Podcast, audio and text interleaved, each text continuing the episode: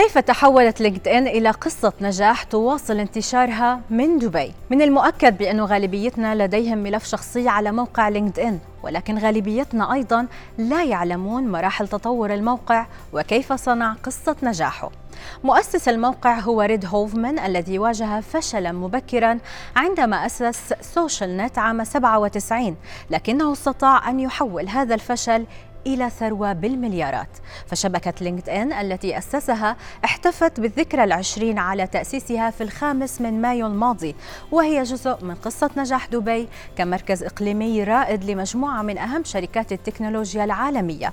خاصة أن عدد أعضاء LinkedIn يتجاوز 930 مليون شخص حول العالم حاليا ويتواجد عليها أكثر من 20 مليون فرصة وظيفية ما أدى إلى ارتفاع دخل الشركة في نهاية يونيو 2022 ليصل إلى 14 مليار دولار.